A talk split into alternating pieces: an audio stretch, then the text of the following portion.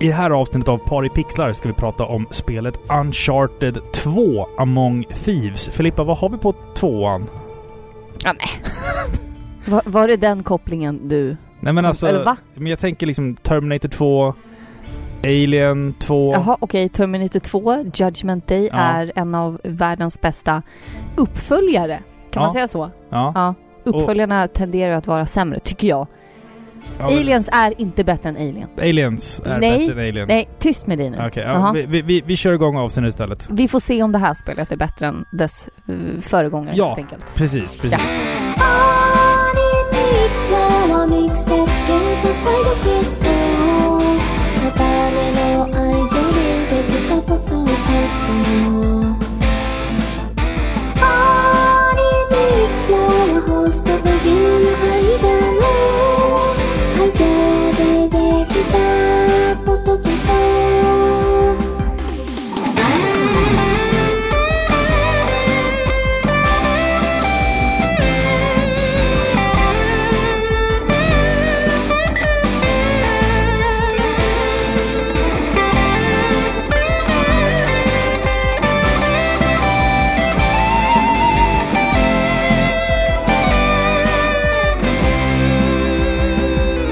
Varmt välkomna ska ni vara till avsnitt 151 av Sveriges mest kärleksfulla tv-spelspodcast Par i pixlar. Jag heter Filippa och med mig har jag som vanligt Robin. Men du glömde bort att vi också har den tredje, eller tredje gästen är det ju inte. Va? Men vi sitter i nya studion. Ja, vi har bytt från köket till... eh, Studion. Det här är studion. Okej, vi är i studion nu. Ja, precis. Spelrummet, grottan, Exakt. The cave. Det blir ju eh, lättare att sitta och prata om tv-spel om man sitter i ett rum som är fullt Ja, av tv-spel. jag vet. Och så slipper man se liksom eh, eh, stirriga grannar som går förbi och undrar vad de nyinflyttade sysslar med sent på kvällen. Ja. Och sen har vi inte heller något kylskåp som stör, Nej. eller vi har inte det där, alltså vi har, vi har, Smutsig disk Vi har- som vi har verkligen- vi har verkligen försökt att eh, utplåna allt eko också. Så att förhoppningsvis så låter vi kanske bättre än någonsin. Däremot kommer jag få jätteont i ryggen. Det är En annan smäll, femma. smällar man får ta. Ja, och det gör jag. Hur mår du annars? Bra. Ja, Mm. skönt att höra. Ja, du då? Eh, ja, alltså jag, jag har skavsår i händerna efter att jag har eh, skruvat IKEA-möbler. Ja, just det, det har vi Ja, gjort. vad, vad, trodde- vad tänkte du på? Ingenting. Du väntade dig att jag skulle säga någonting. Men Jaha. jag, jag är mogen, Ja, Robin. Jag du- är en vuxen kvinna. Ja. Jag, jag sjunker inte så lågt. Nej, inte som mig. Som bottenlös humor, verkligen. Ja, ibland. Ja. Har du något pappaskämt apropå bottenlös humor? Apropå bottenlös humor, men ska, ska jag ta ett pappaskämt redan nu? Nej, spara. innan Jag ska, Spara måste ju portionera ut dem vackert Ja. under avsnittet här. Men vet du vad jag tycker att vi gör? Nej? Jag tycker att vi dricker lite öl. Ja, Öl. precis. Vi ska fortsätta på våran kära lyssnare Andreas Valets ölresa som Ja. han har bjudit på. Vi har ju den sista nu. Ja, och den här är ju den starkaste ölen. Aj, aj, aj! Han skriver så här då. Ölen som vi dricker heter Go Nuts. Och den har en jättecharmig bild på en stor jordnöt. Ja, med precis. skal precis. och hatt. Det står, det står så här nu alltså. Go Nuts. Jo då, inte lika mycket essenser som sagt, men däremot dubbelt så mycket muscavado-socker. Vilket gör den lite sötare, men också starkare. 13,9 Aj, aj, aj. procent. Det ger även lite lätta lakritstoner, men de är sekundära i smaksammanhanget. Andreas, tack som fan återigen för att Ah. du skickade oss den här ölen. Och Han vi, är ett geni. vi kommer nog vara fulla när det här avsnittet är slut. Men jag känner så här också med, med det här med, med Andreas väldigt vackra och målande ölbrev. Beskrivningar. Ölbeskrivningar. Och det, jag känner så här att ju mer jag får reda på och ju mer jag lär mig, desto mindre förstår jag. Låter det logiskt? Jag eller? tänkte precis säga det. Ja, Hade han skrivit att den skulle smaka tutti frutti, då hade du banne mig känt tutti frutti fastän Han Ja. hade kunnat ljugit om Typ. det. Typ. Typ. Ja. Men, men vad fan, ska vi skåla då? Ja, så, men det tycker så får vi känna vad det här är för Skål. någonting. Go Nuts heter den här. Den först, är, först ska vi lukta. Jag kan säga så här, den är alldeles kolsvart. Det ser ut som Coca-Cola. Det ser ut som ett glas Coca-Cola. Ja, vi Okej. luktar. Mm. Ja, det luktar... Det luktar fan Mm. Snickers fortfarande. Snickers. Ja. Lite chokladig, men jag tycker inte lika mycket som den senaste. Nej, vi smakar lite då. Ja, åh, lakrits. Ja, visst fan var det Känner lakrits där. Ja, det är Mm. typ som, alltså lakrits-Snickers. Alltså jag kan inte, alltså jag älskar ju öl, men Mm. jag kan ju inte, så jag vill inte sitta här och be, alltså uppfattas som en idiot, men Nej. jag tycker att den- har lite så porter eh, Ja. känsla. Ja, kanske. här mörk och mustig och... Den här får vi sitta och suga, Liksom. suga lite på resten av Ja. kvällen känner jag. Men den var god. Den var, den var Mycket god. suverän alltså. Verkligen. En klunk ger massor med smak. Ja, verkligen. Det känns det som en också. smuttöl. Ja. Så nu när vi är i känsla eh, så kan vi väl passa på att berätta att vi har en ny Patreon! Wow! Vill du, som så många andra, stötta den här podden så kan du gå in på patreon.com par i pixlar. Det kostar 3 dollar minst. Du kan välja mer om du vill. Men I- vi är tacksamma för det Ja, lilla. givetvis. Viktigt. givetvis. Eh, Det kostar 3 dollar i månaden om man inte vill bidra med mer. Och som ett litet tack så, alltså, vi, vi ger en liten shout-out här i podden. Allt vårt material som vi gör vill vi att alla ska kunna ta del av så att man, man får liksom inga exklusiva avsnitt eller sådär. Utan Nej. vi, vi vill gärna dela med oss av det vi har till alla där ute oavsett om man har cash eller inte. Ja, alltså vi är två stressade småbarnsföräldrar. Vi, vi har Mm. inte den möjligheten att liksom sitta och erbjuda exklusivt material. Nej. Plus att det skulle kännas svinigt mot de som inte har möjlighet att liksom eh, Mm. bidra ekonomiskt. Men ni har vår eviga tacksamhet verkligen och ni ska veta att varenda öre av de pengarna som vi får av er, de går enbart till poddgrejer. Ja. Det är inte så att vi går till systemet och köper varsin platta öl och bara woho! Även om det är frestande. Nej, men alltså, Nej men det, det går till liksom nya mickar, Mm. allt för att liksom få den här podden att eh, höjas i kvalitet. Mm. Och det är, det jävligt schysst alltså av er. Jag brukar, säga, jag brukar säga så här. Bli en Patreon om du tycker att det vi gör är skit, skit, skit, skit, skitbra. Ja, Punkt slut. ja. Så med det sagt så säger vi hej och välkommen till Jimmy Karlsen! Jimmy Karlsson! Ja, det är en otroligt god och fin kille. Alltså så fint. Ja. Ja, nej, du är varmt välkommen. Stort tack, Han, verkligen. han är ju med på våran Discord. Den här killen. Vi vet klart. ju vem han är. Så att, eh, ja, vi har, vi, har, vi har koll på dig Jimmy. Vi har koll på dig. Mm.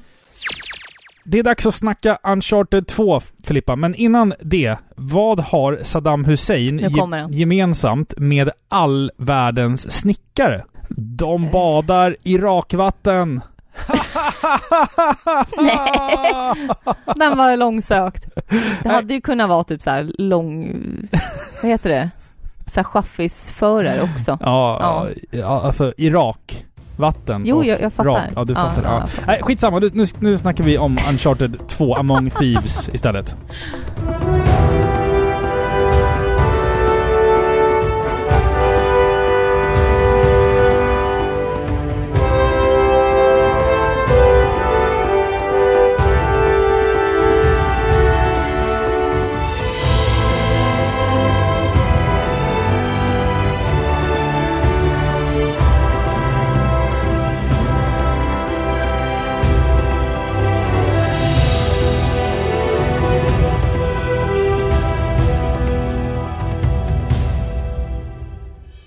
Uncharted 2 är alltså uppföljaren till de spännande händelserna i Uncharted 1.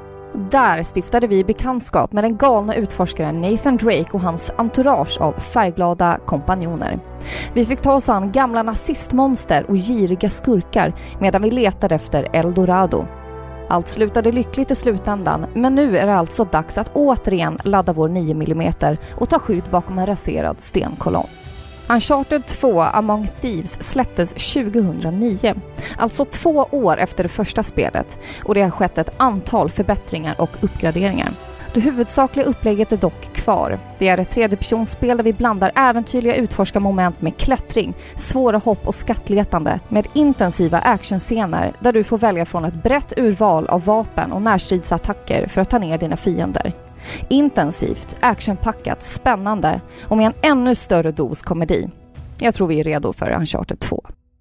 Jävlar vad det känns som att de petade in pengar i det här projektet när, Ja. när det första spelet vart en sån hit. Ja, ja, absolut. Så att jag menar förväntningarna på Uncharted 2 var ju redan här så här extremt höga. Enormt höga. Mm. Så vi får väl se om det liksom blev bättre eller sämre. Ja. Eller om det blev någon form av status quo.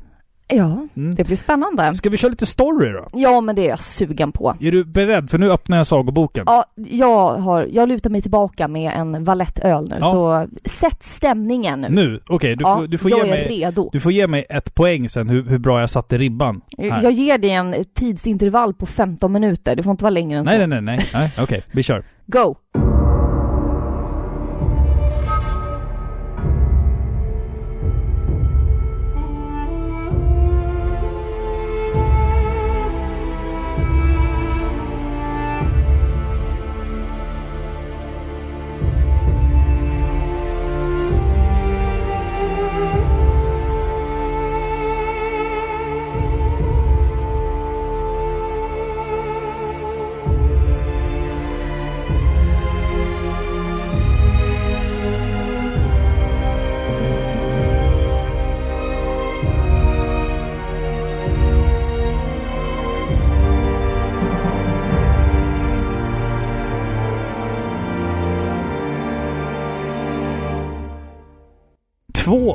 Har passerat sedan äventyraren Nathan Drake tillsammans med sina goda vänner Sally och Elena löste mysteriet med Eldorado, staden av guld.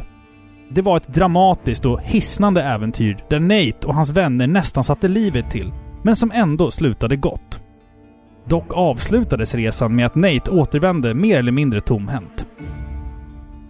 Nu befinner sig vår hjälte på en strandbar någonstans i Grekland när han plötsligt stöter ihop med en gammal kamrat vid namn Harry Flynn.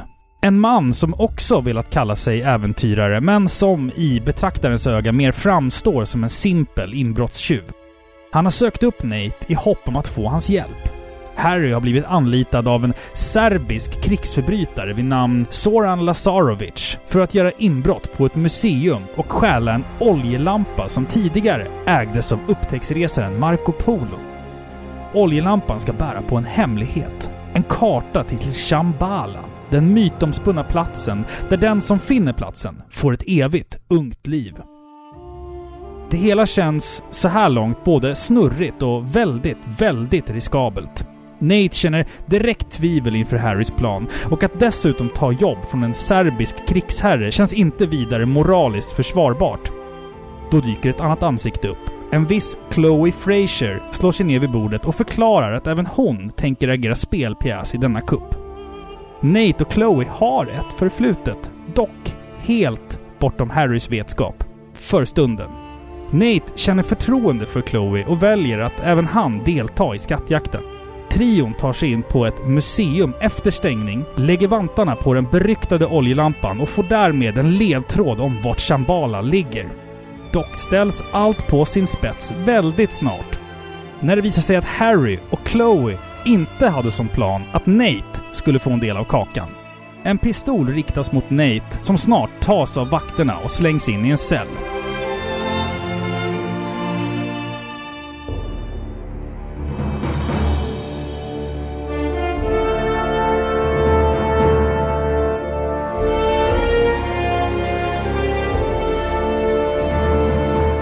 Efter några veckor bakom lås och bom har någon till slut betalat borgen för vår hjälte, som nu är i ett uselt mentalt skick. Sally, Nates bästa vän tillika mentor, fick höra att Nate satt i klistret och ställde såklart upp. Nate är nu sugen på revansch. Hans plan blir att komma ikapp Harry och Soran Lazarovic och nå Shambhala före dem. Det ska dock visa sig att det är mer än Nates sårade ego som står på spel. Den svindlande resan kommer att ta oss genom tätväxta djungelområden, sargade städer, heliga tempel och snötäckta tibetanska berg. Band människor emellan kommer att testas till sitt yttersta. Utmaningarna och riskerna kommer att vara enorma. Vänner kommer att bli fiender och fiender blir vänner bland både nya och bekanta ansikten i Nathan Drakes största äventyr hittills.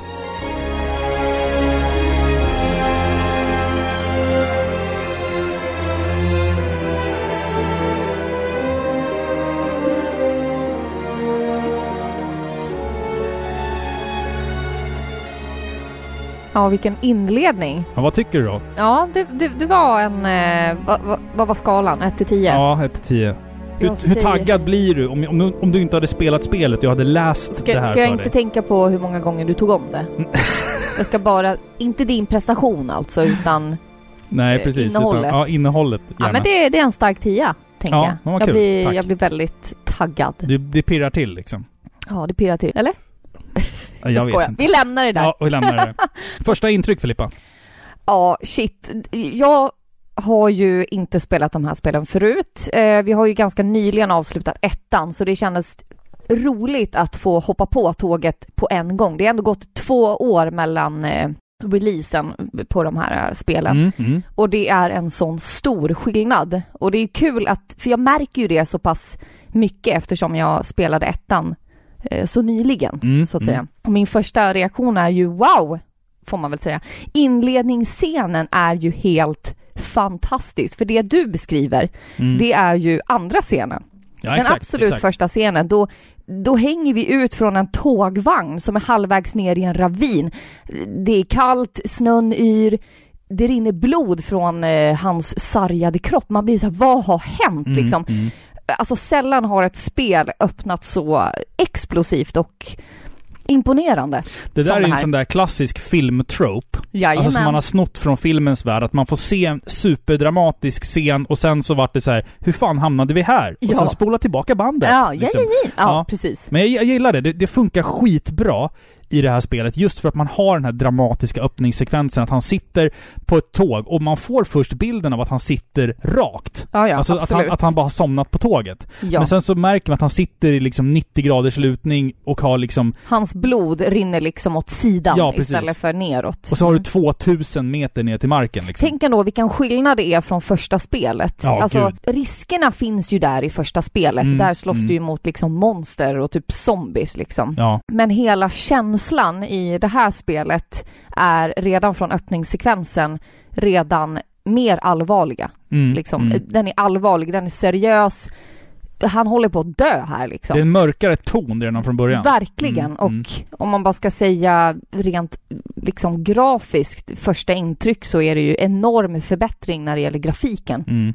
Alltså, och sen får du ju spela de här första scenerna, de första sekunderna liksom klättra ur från den här tågvagnen och redan där så märker man ju att de har lagt ner tid på liksom rörelserna och motoriken liksom. Mm. Det fungerar mycket snabbare, Ja. mycket bättre. Jag köpte det här spelet på releasedagen. Eh, och jag firade det med att jag visste att det hade kommit till brevlådan hemma. Så jag gick efter jobbet och köpte pizza. Och sen så bar jag hem den och tittade i brevlådan och så låg spelet där. Och eh, sen så gick jag hem och käkade pizza och kollade på introt. Och jag minns, jag minns liksom den, den dagen väldigt, väldigt tydligt. Det känns liksom. som att det här ska komma till någon hemsk vändning. Nej, det inte typ alls så här, egentligen. jag gick hem, käkade min pizza och Nej. somnade. Någonting. nej, jag bara faktiskt. väntade på det där. Nej, men det, det som är kul med Uncharted-spelen också, det är att jag behandlar Uncharted-spelen lite som jag behandlar tv-serien Lost, när den gick. Det är att varje gång det kommer en ny säsong av Lost, då måste jag innan dess ha hunnit se om de tidigare säsongerna. Ja men annars hänger man inte med. Nej men alltså jag, jag såg liksom ingen recap, utan jag såg om hela serien. Så att vi säger då att Lost säsong 3 kom. Då såg jag om Ah. 1 och 2. Och sen när säsong 4 kom, då såg jag säsong 1, 2, 3. det var och sen här, 4. pre-kids, man hade tid. Ja, innan man hade barn. Kunde bara varva lost sådär Ja. liksom. Ja. Men så, så har jag alltid gjort med Uncharted-spelen också, att när, när trean sen kom, då spelade jag ettan och tvåan igen. Och sen när fyran kom så spelade jag ettan, tvåan och trean innan fyran kom Mm. då. Eh, så att jag har alltid haft... Eh, det, det, alltså, det har varit så lätt för mig att bara sätta igång ett Uncharted-spel, för jag har alltid tyckt att de var kul. Och speciellt i och med tvåan så, så känns det verkligen som att serien lyfter. Alltså verkligen, Absolut. verkligen lyfter. Vi kommer ju komma in på det lite mer snart här. Mm. Ja men det är lätt, lättspelda spel om man säger så. Jag säger inte att svårigheten är lätt. Nej, nej jag precis. säger bara att den är, det är en spelserie som är lätt att ta till sig. Lättillgänglig, precis. Ja, om, om man gillar liksom action eller äventyr eller liksom... Ja, men jag, tror att, jag tror att alla gillar det här. Förstår du? Ja, det, så- kan, ja. det, det är kanske inte alla som gillar att spela det, men det finns någonting i de här spelen som alla, tror jag, skulle gilla. Mm, Äventyret, eh, liksom... ja. Eh, Humorn. Humorn Ja. är ju superviktig. Mm. Alltså, hade man klippt om det här bara till en film hade jag till och med fått min 66-åriga mamma att kunna tycka om det här. Förstår du? Absolut, absolut. det är Men väldigt det är lättillgängligt. det som är också med Naughty Dog, utvecklarna, att de har alltid lagt ribban väldigt, väldigt högt när det kommer till eh, alltså handling och, och dialog ja, i spel. och det vinner de på. Det vinner de på. Ja, verkligen. För att det blir ju... Det här är ett spel som man också väldigt enkelt kan eh, kan eh, sitta bredvid och titta på bara om man Ja. inte är superintresserad av att spela tv-spel själv. Ja, absolut.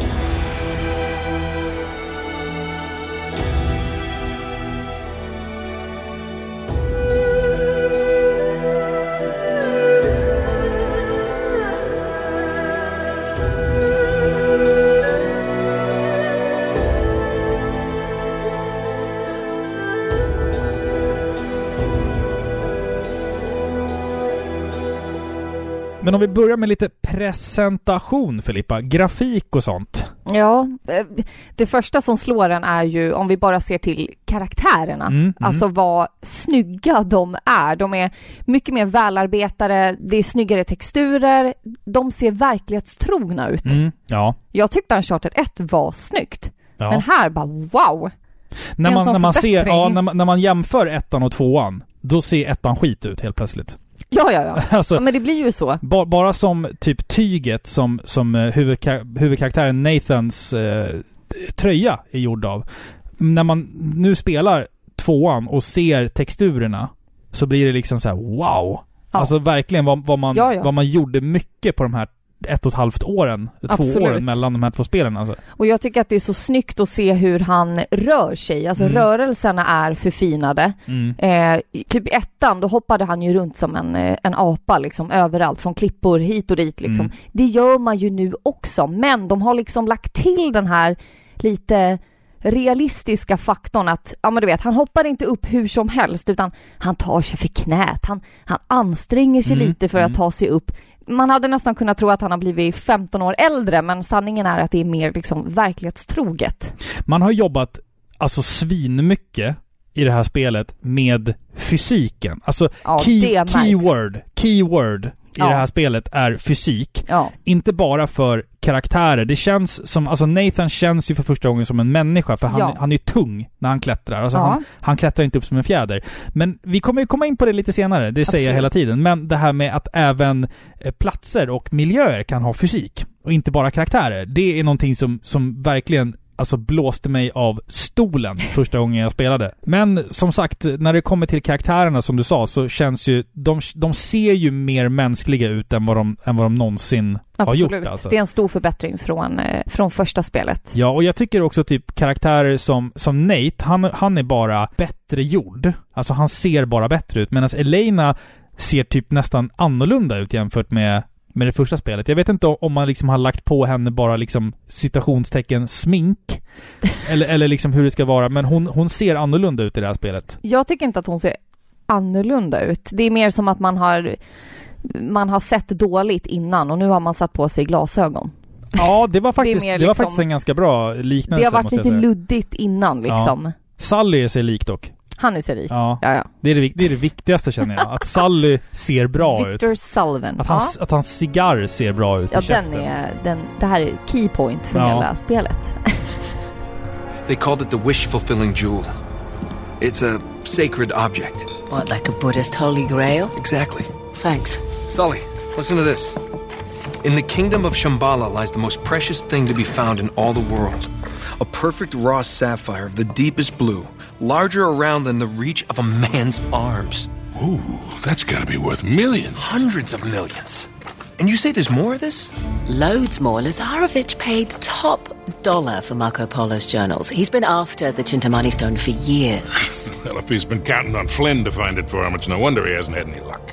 Vad har vi att säga om cutscenes då? Alltså vi måste ju bara återvända då till det vi sa innan här. Bästa öppningsscenen i ett spel någonsin. Jag, jag tycker seriöst det. Nate vaknar upp på ett tåg och blöder, ut sår på magen. Sen skiftar kameran och som vi sa, vi inser att vi liksom sitter lutandes bakåt i 90 grader och tåget han befinner sig på hänger ut för en jävla klippa med flera tusen meter till marken. Och alltså det, är så, det ser så jävla dramatiskt och kallt. Så in i helvete kallt också. Ja, fy. Och sen kommer en sån där som jag sa, hur fan hamnade vi här grej och så hoppar vi tillbaka i, i, i tiden och får se vad som hände, vad som ledde upp till det här ögonblicket. Men det är så cinematiskt. Alltså, Gud ja. Första spelet hade också sådana moment och det pratade vi väldigt mycket om. Att Mm. Det är därför Uncharted-serien har lyckats så väl tror Mm, jag. För mm. att de har lyckats få in den här filmkänslan i spelen och det är det som tilltalar en mycket bredare publik tror jag. Det, det går inte att jämföra sådana här spel med typ en mycket smalare genre, typ som RPG, alltså rollspel, Mm. som är en helt helt annan grej liksom. Har också en sjukt stor publik, det är inte det jag säger. Men det här är så lättillgängligt för de här, det här känns som en film. Cutscenes i det här spelet är Alltså jag är helt blown away. Det är så häftiga actionscener alltså. Ja. Det skulle platsa i vilken Indiana Jones-film som helst. De är intensiva, det händer saker, det exploderar grejer, det är vinklarna till och med Mm. känns som en film. Det är inte bara så en kamera och vi, har, vi ser karaktärerna utan den panorerar, du vet den, den kommer från märkliga vinklar. Det är precis som en film liksom och man märker att Dog lägger ner väldigt mycket tid på det här. Mm. Jag, jag, jag känner det också att alltså det är liksom när det kommer till sättet som, som storyn presenteras på i cutscenes och sådär är ju det är ju liksom Hollywood-klass på det. Ja! Och allt med det, det som man också tycker är så... Alltså jag vet inte hur jag ska kunna beskriva det här på ett annat sätt. Men, men sättet man presenterar humorn på i det här spelet är så pass smart och så pass perfekt tajmat Ja. hela tiden. Att man liksom, man tycker att gameplay är kul och sen så kommer en cutscene och så då vet jag liksom att åh, nu kommer, nu kommer det här skämtet att komma och så vill jag, så sitter jag och stirrar på dig för att jag vill se hur du mottar Ja, men liksom jag humorn. skrattar ju. Du skrattar ju åt Jag det tycker liksom. att det här är jättekul. Ja, för det, Och- det är liksom som små sketcher mellan varje actionmoment. Ja, jag, jag skulle vilja säga att cutscenes, alltså storyn och eh, liksom överlag är det bästa med de här spelen, tycker jag. Alltså gameplay är också sjukt kul, men jag tycker att liksom guldkornen i de här spelen, Mm. det som gör att spelet är vad det är, varför det är så älskat, det är cutscenesen, för det är där vi får lära känna karaktärerna. Ja, precis. Vi kommer ju prata mer om storyn sen, men, men, men det, det som jag också känner är att det är så skönt redan här att vi har etablerade karaktärer. Ja, absolut. Man slipper presentera karaktärerna. Vi har ju några nya ansikten. Men, men, ja, ja, men vi känner ju redan Nath och Elena och Sally. Ja, ja. Men som sagt, vi kommer återkomma till story lite senare. Nu tycker jag vi Ja. pratar om miljöer istället. Ja, jag tycker att spel tenderar att alltid starta i djungler.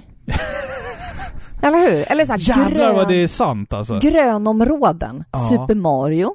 Alla ja. rollspel startar i en så här generisk grön skog typ. Ja. Det är sommar. Och så har du någon farfar i byn där som du måste gå och prata Gå med. och hämta äpplen åt Ja. eller någonting och sakta men säkert introduceras du för main villain. Ja, och Typ. så, nej, men när du kommer tillbaka till byn så har någonting... Och sen, Då- då brinner blir, byn. Ja, då är det tutorial när du är ute och letar Ja, äpplen. ja, ja. Och sen när du kommer tillbaka så Då har brinner någonting... byn. Och då brinner och byn. så står en, en, eh, en läskig anime-figur med långt silvrigt hår där. Ja, fast nej. Typ. Det är, oftast är det en annan karaktär. Ja, just det. Som man ska tro är the Just bad det, guy. men den är influerad av någon. Ja. Typ en kosmisk gud. Ja, och sen så leds vi liksom till att tro att det här är våran fiende. Men sen ju längre Så storyn går så det. är, finns det alltid en större fiende. Okej, typ nu, Seymour i Final Fantasy 10. nu, nu har vi summerat varenda JRPG ja, någonsin. exakt. Ja. Nej, jag, jag tycker det är tråkigt med så här grönområden. Mm. Och i ettan var man ju typ bara i djungeln. ja. Det, det är kul, djungel i all ära, men det blir lite tröttsamt. Det är bara grönt Alltså jag känner hela så här, tiden. jag känner så här att djungeln i Uncharted 1 var, var väldigt färgstark. Det pratade vi Ja, om, ja, att den var liksom absolut. vacker. Medan här, här har man liksom gjort en helt annan djungel. Här är det mycket mer den här dunkla med dimma och liksom lite, lite mer lergrön färg om man ska säga så. Eh, istället för Här här, snackar men vi varia, variationer på Ja, grön. Hur många, Ja, hur många nyanser av djungelgrön finns det? jag vet inte. I början var, så i ettan är det mer limegrönt och nu Ja. är det lite mer i mossgrönt. Ja men alltså. typ, alltså det, det är en mer dunkel tillställning vi pratar. Poängen med min djungel eh, pl- handlar om att i det här spelet är vi inte bara i en djungel. Det var det jag ville komma fram till. Har du, har du varit i en djungel på riktigt någon gång? För jag har nog aldrig varit i en djungel tror jag. Nej, det har jag inte. Eller alltså är det, Det, finns som... ju inte djungel överallt Vart på ligger jorden. närmsta djungel? Närmsta djungeln? Ja, Alltså natur... Ja men det är väl typ Afrika? tänker, är det, liksom, är det så långt bort? Ja. Jag tänker liksom... Ja, fast det, ja, jag tänker typ såhär Sibirien, fast där är det ju bara is och snö. Det finns ingen Men där är djungel. väl ingen djungel? Nej men jag, jag tänker att det är liksom, det är liksom, det är outforskat liksom. Ja, men vadå? det- det- Säger du djungel som en eh, paraplyterm för outforskat område? Nej, nej, men jag känner mer... Eller menar du en riktig liksom Amazon- klimatord för djungel? Regnskog. Det- Regnskog, ja, Nej men det liksom. finns väl typ i Afrika? Ja, På Afrika? på, va? I Afrika? Alltså Afrika är en kontinent. Säger man på Afrika eller i Nej, Afrika? I? I Afrika? Ja. I... Ja, man kanske säger man i om kontinent? Ja. I Australien? I- I... Ja, men Ja. Robin, ja men jag undrar du säger bara. väl inte på Asien?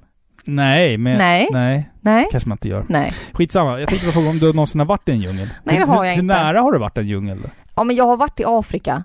Ja, vet du vad? Ja. Jag vart ju mindblown när jag fick reda på att Kanarieöarna Ja men säg inte det där, det är pinsamt. faktiskt låg i Jag Afrika. skäms. Eller alltså det, det, Det- är, det är ju inte... Det i- ligger ju typ utanför Afrikas kust. Men det ägs inte av Afrika. Nej.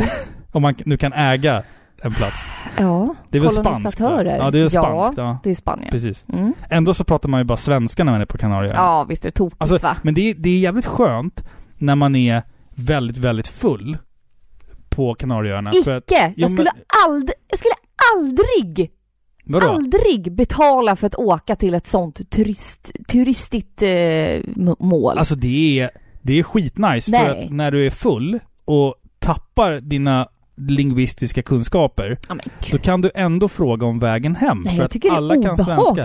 Och restaurangerna heter liksom inte någonting på spanska, utan de heter så här Mötesplatsen. Ja men fy! Är det pinsamt? De hatar säkert alla turister. Nej, det är väl det de livnär sig på, eller? Ja men de, det, blir, det är typ som en, Ja. nej usch. Nej. Ja. Sånt gillar vi Det var, inte. det, var, det var det om djungel. ja. Djungler. Nej men det jag ville säga, Mm. ja, var att här är det mer varierat. Ja. Ja, vi är ju inte bara i djungel här, vi är ju i liksom Nepal. Nej, Ja. Tibet, är vi. Tibet, Ja. ja. Samma sak. Det, det är väl Nej. samma sak? Nej, det är Eller? det inte. Det är två olika länder. Ja, jag, jag är ju geografiskt handikappad. Ja, det är Det har vi verkligen Ja. lärt oss i den här podden. Ja, ja, absolut. Nej, men nu är vi ju i Tibet också, så vi har ju de här fantastiska snölandskapen istället. Och Mm. istället för djungelgrottor så har vi snögrottor! Mm. Och när det gäller grafiken här så är ju det, ja, man blir ju inte besviken såklart. Det är en fantastisk detaljrikedom och det är saker överallt och man märker att de har lagt ner lika mycket liksom energi på detaljerna i hörnen som man lätt kan eh, vad heter det, missa. Ja.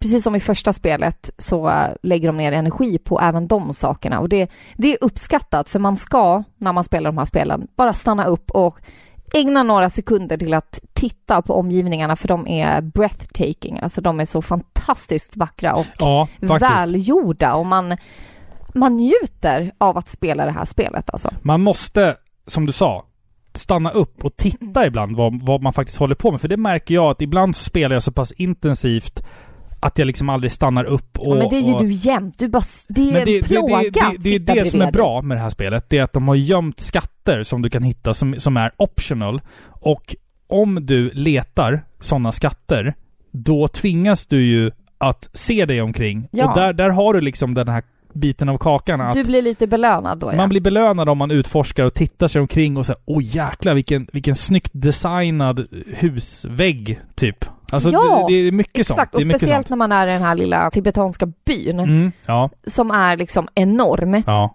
Eh, och det springer barn runt omkring och de har liksom eh, boskap och de har hus och de har, alltså de, de lever sitt liv liksom och det är som detalj i det. Mm. Det är inte liksom bara mörka gestalter eller statister som står där, utan det är, det är liv. Liksom. Ja.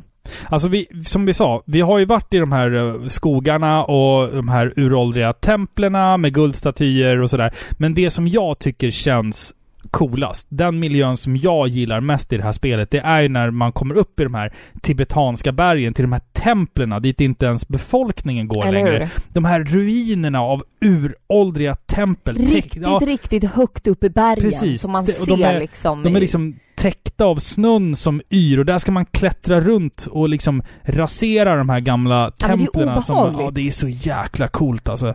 Alltså sånt där skrämmer mig i spel, Höjd. ska jag säga. Ja. Jag, jag är nog höjdrädd. Jag tror att alla människor har en, eh, en sund fruktan för Mm, höjder. mm. Annars är man adrenalin-junkie, tror jag. Nej, men jag tror att alltså, sånt där kan skrämma mig i spel. Typ att man kommer till en högt belägen plats och man ser spår av civilisation. Ja, på de här- Ja, ja. Väldigt, väldigt liksom fientliga platserna för de är typ liksom Altitudiskt rakt utmanande. sagt dåliga att bo på. Ja, ja. Liksom, de är högt upp. Och så, ett bra exempel är ju typ eh, Last Guardian. Åh gud, åh gud, svindelspelet nummer ett. Svindel! Det är så högt upp och du kan liksom springa från tak som bara rasar och du kommer till en liten platå. Mm, Och mm. där har någon bott. Ja, Alltså den, bara tanken på det gör mig illa till mods. Jag vet inte varför men det känns så isolerande och usch, här har någon varit. Förstår du? ja. Hur tog de sig hit? Hur kom de ner? Alltså jag vet inte. Jag överanalyserar väl bara men just det där, höjd i spel och sen då med, med snön och liksom det är fientligt. Nej fy, det är... Mm. Nej. Får, jag, får jag dra en annan parallell här till, till det du pratar om nu och, och JRPG'n? Ja, Det är att när, när jag går runt i, i, i hus ja. i JRPG'n, eller typ i ett Zelda-spel, då brukar jag gå in i husen och titta så här. De har inga sängar i det här huset. Vart sover de? De har inget Ah. köksbord i det här huset. Nej. Vart äter de? Ja, vart äter de? Det är sådana Ja. grejer. Har du Kasta, barn? Ka, var kommer det ifrån? Har du barn? Men det är ju den där reklamen. Ja, med, med hon... Som är Finskan. mördaren i Beck, mannen utan ansikte. Just det, hon finska... Har du barn? Ja.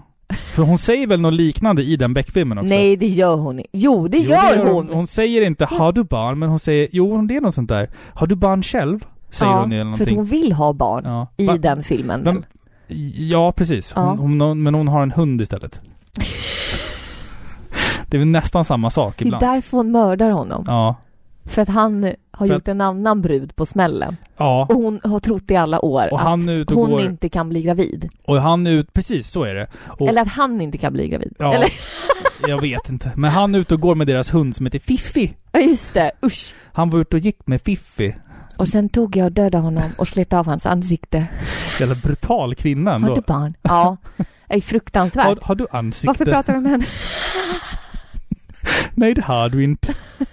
ja, men alltså om vi ska återgå till, till miljöerna i det här Gärna. spelet. Det som jag vill pusha för, som jag tycker var, eller är, häftigast i hela spelet, det är ju det som jag har valt att kalla för de dynamiska och rörliga miljöerna. För detta fick mig att trilla Mm. av stolen första gången, alltså bokstavligen.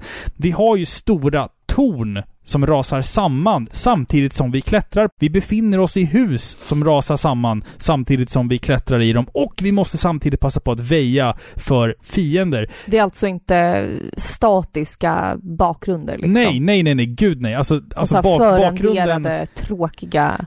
bakgrunden är ju minst lika levande som, som karaktärerna. Vi, vi råkar ju liksom riva ett antal gamla guldstatyer, tempel och andra liksom heliga platser i ett jävla korståg av förstörelse som, Nej som vi bjuder på. sånt där Men gillar inte jag. inte nog med det.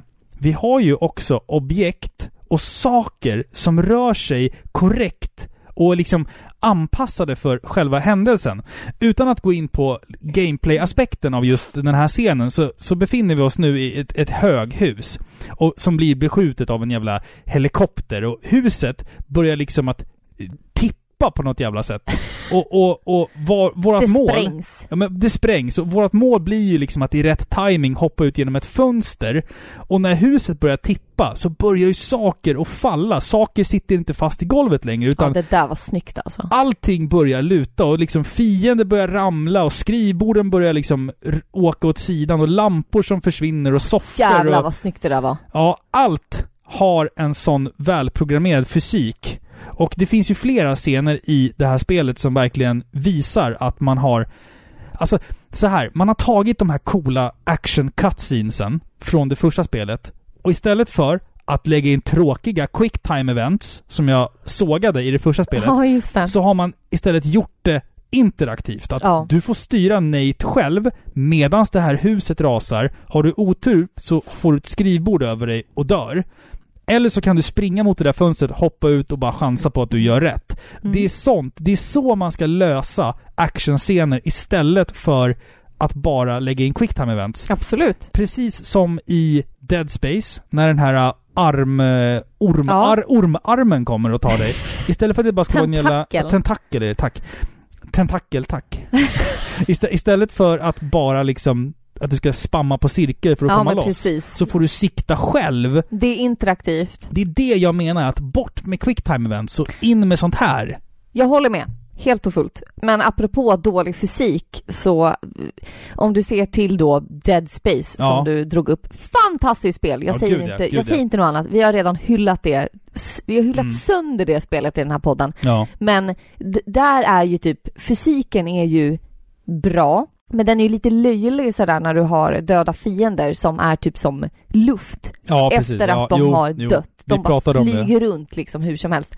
I det här spelet har de ju gjort rätt. Allting har tyngd. Allting har tyngd och rätt tyngd.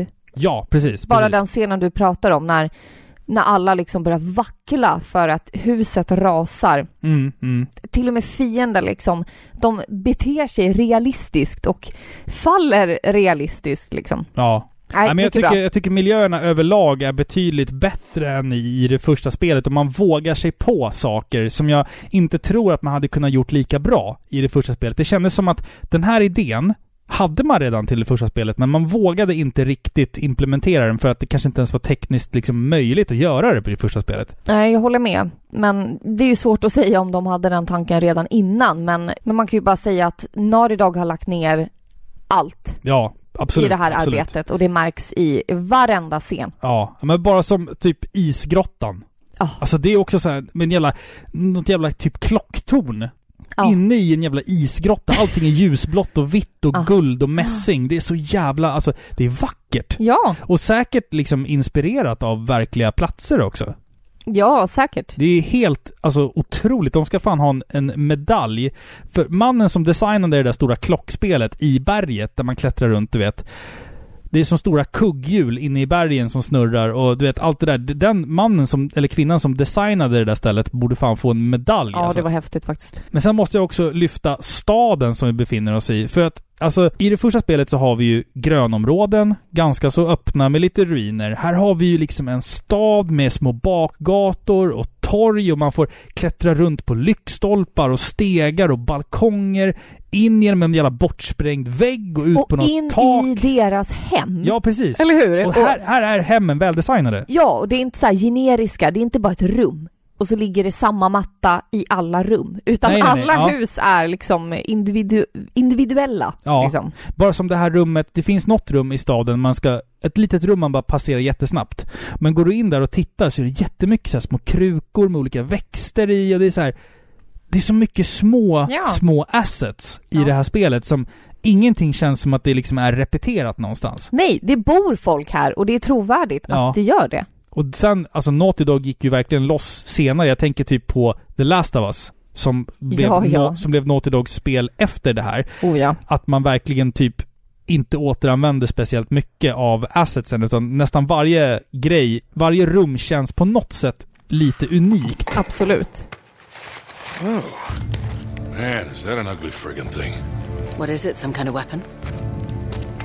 No, no, it's a, a purba. It's a ritual object from Tibet. It's used to destroy obstacles. Huh? No, you know, spiritual ones. Oh. Wait a minute. Wait, could this be what Marco Polo was talking about? Kid, I don't even know what the hell you're talking about. Men som jag sa, visuellt sett så är ju det här spelet en fröjd att titta på. Mycket tanke och kärlek har ju investerats i samtliga av spelets områden. Det är stor variation på miljöerna och det är liksom moderna städer, uråldriga tempel och övergångarna däremellan känns sällan krystade. Det är alltid logiskt och estetiskt väldigt tilltalande. Det är, det är ett spel som faktiskt är en, en, en ren och skär fröjd för ögat.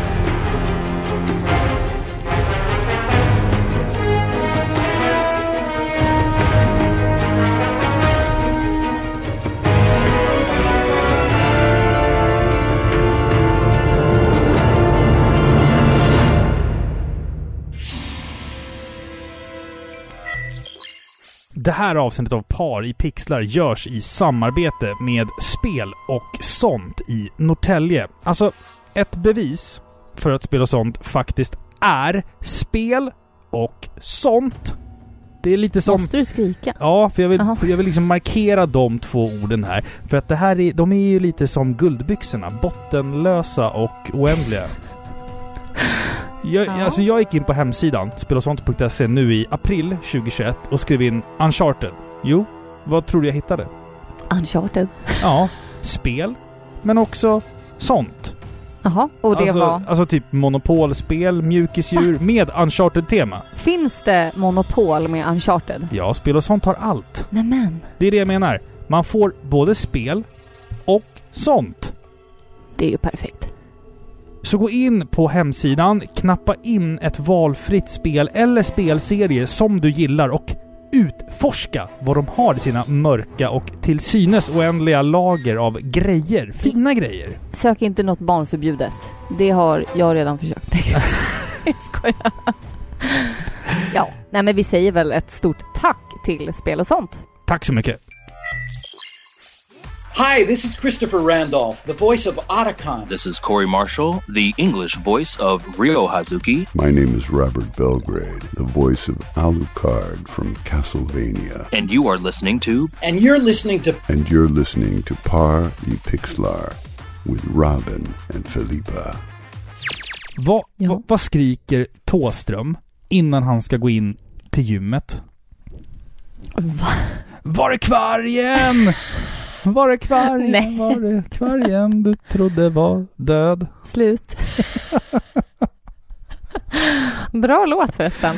Den riktiga Ja, ja, ja. alltså. Var, är- ja. var är vargen? Ja. Ja. Mm. Nej, men ska vi prata lite musik? ja, precis. Vad tycker du om musiken i Uncharted 2? Alltså det, det är inte jättestor variation på musiken ifrån det första spelet till det här. Vi har, vi har ju ett dynamiskt soundtrack som, som liksom stegrar i nivå. Allt, allt eh, eftersom att liksom scenen blir mer intensiv, det kommer fiender och sådär. Eh, sen är det väl typ så att Nates theme har blivit det nya main theme i och med det här spelet. Ja, det känns som att de har anpassat musiken lite mer och det känns som att precis som med många andra spel ser att de tar ett main theme och det får ett annat arrangemang liksom. Det är ju väldigt vanligt liksom att man gör så. Ja. Men jag, jag, jag blir inte besviken i det här spelet, så kan jag väl Nej, säga. nej, Alltså, nej, nej. Det är inget Uncharted utan den här bombastiska och dundrande musiken. Så ja, den Ja. finns här också. Det är ju, det är ju Nates theme som Ja, takes the cake all ja, the ja way alltså. absolut. Tell me you don't have anything to do with this. That's There ridiculous. you are, Nate. I think I lost them. Oh, whoa, whoa. It's all right, Chloe. They're journalists. We need to keep moving if we want to stay one step ahead of Lazarevich, so. Oh man, Nate. Hey, hey, wait, wait, wait. Now, don't jump to conclusions, Elena. Um, I'm sorry, am I sensing some history here? Oh, Elena Fisher. Last year's model. That's cute. Nej men nu ska vi prata lite gameplay tänker jag och jag tänker att vi börjar med just utforskardelen. Det här är ett stort moment i de här spelen. Det är ju ett utforskar och äventyrsspel. Mm. I första spelet så var ju till exempel banorna de var ganska utforskarvänliga men de var tyvärr rätt linjära.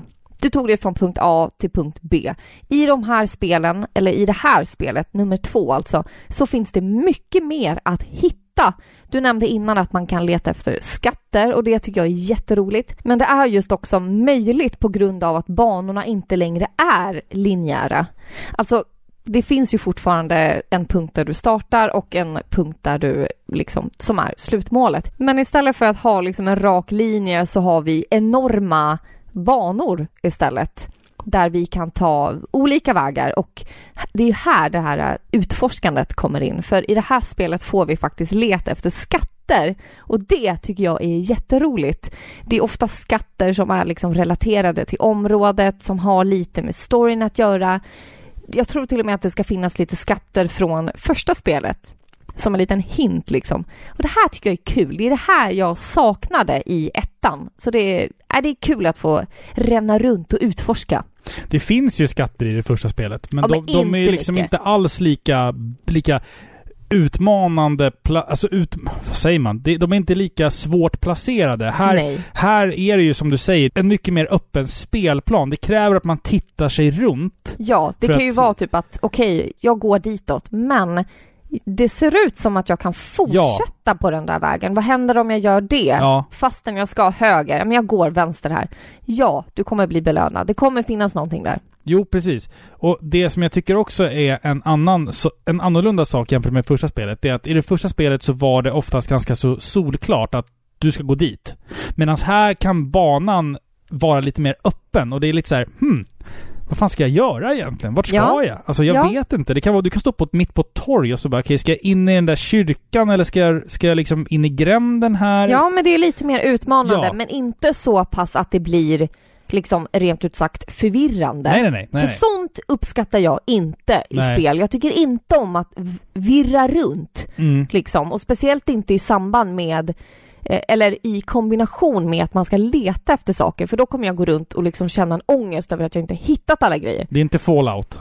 Nej, exakt. Jag måste finkamma ett område i Ja. sådana spel. Mm. Så här har vi inte den problematiken. Vi har en öppen bana, men det är ändå ganska tydligt vart man ska, fast det finns flera vägar dit. Tänkte du på hur mycket lättare det kändes i det här spelet eftersom att kontrollen var alltså ljusår tajtare än vad det var i det första spelet? Ja, absolut. Det, det var ju nästan det första jag sa när vi började Ja. spela, liksom efter öppningssekvensen och när man skulle ta sig in på det här museumet. Att kontrollerna var mycket, mycket bättre. Trots att han är snabbare så är han även mer, alltså fysiken är mer verklighetstrogen, Mm. som vi nämnde innan. Så ja, utforskandet går ju mycket bättre och just då eftersom eh, en stor del av utforskandet är just det här med att man ska klättra så mycket. Och det var ju otroligt mycket skönare. Kontrollerna överlag är mycket smidigare, eh, men lite mer avancerade. Ja, det är de ju. Men jag, jag känner samtidigt så här. Jag tycker nästan att det är svårt att i det här spelet hoppa fel och dö när man klättrar. I, i det första spelet så kunde man ibland liksom skylla på designen, att det var oklart vart man skulle hoppa. Här så förstår du liksom.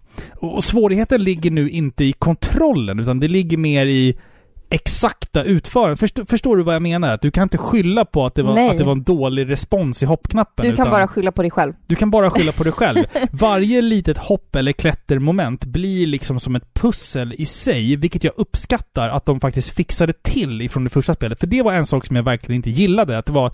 Det kändes klumpigt att hoppa. Absolut. Här, här känns det liksom som att varje liten klättervägg är också någon form av pussel in, dis, in disguise liksom. Absolut. Och det gillar jag som fan. Och det underlättar att kontrollen faktiskt är spelduglig. Ja. I första spelet, alltså jämfört med det här, så är han ju ett eh, kylskåp. Mm, Han är mm. ju jättetung och långsam i första spelet. Ja. Här är han ju tung på ett verklighetstroget sätt, men han rör sig mycket snabbare Vet när han väl den, springer. vet du vilken den bästa jämförelsen jag har sagt i Paripixlar med när det kommer till kontroller? Nej. Och det är att, att spela Castlevania, det är som att dra ett kylskåp upp för Mount Everest.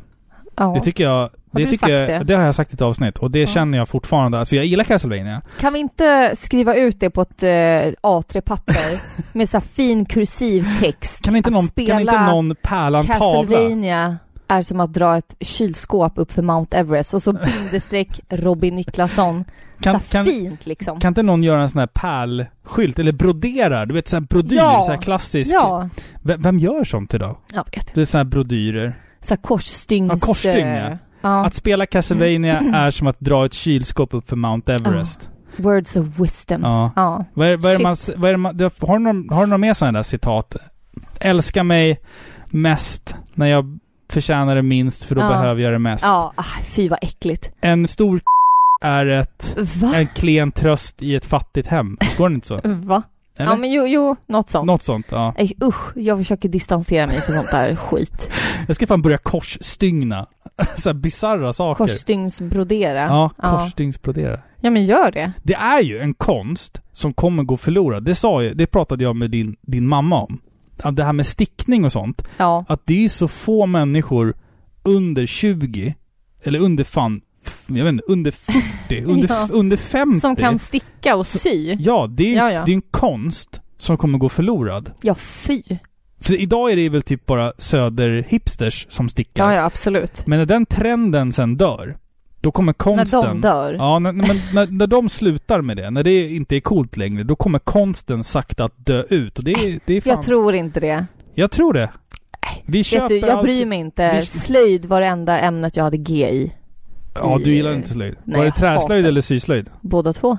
Hatade det. Vet du vad jag gjorde på... Jag sydde en, jag sydde en kavaj i syslöjden i tre år. Varför sydde Och du på- en kavaj för? Ja, för att jag var dum i huvudet. Men vad, vem, sen- skulle, vem skulle ha den? eller? Jag. En så här randig kavaj. Skitful. Den blev aldrig en kavaj, det blev bara en väst.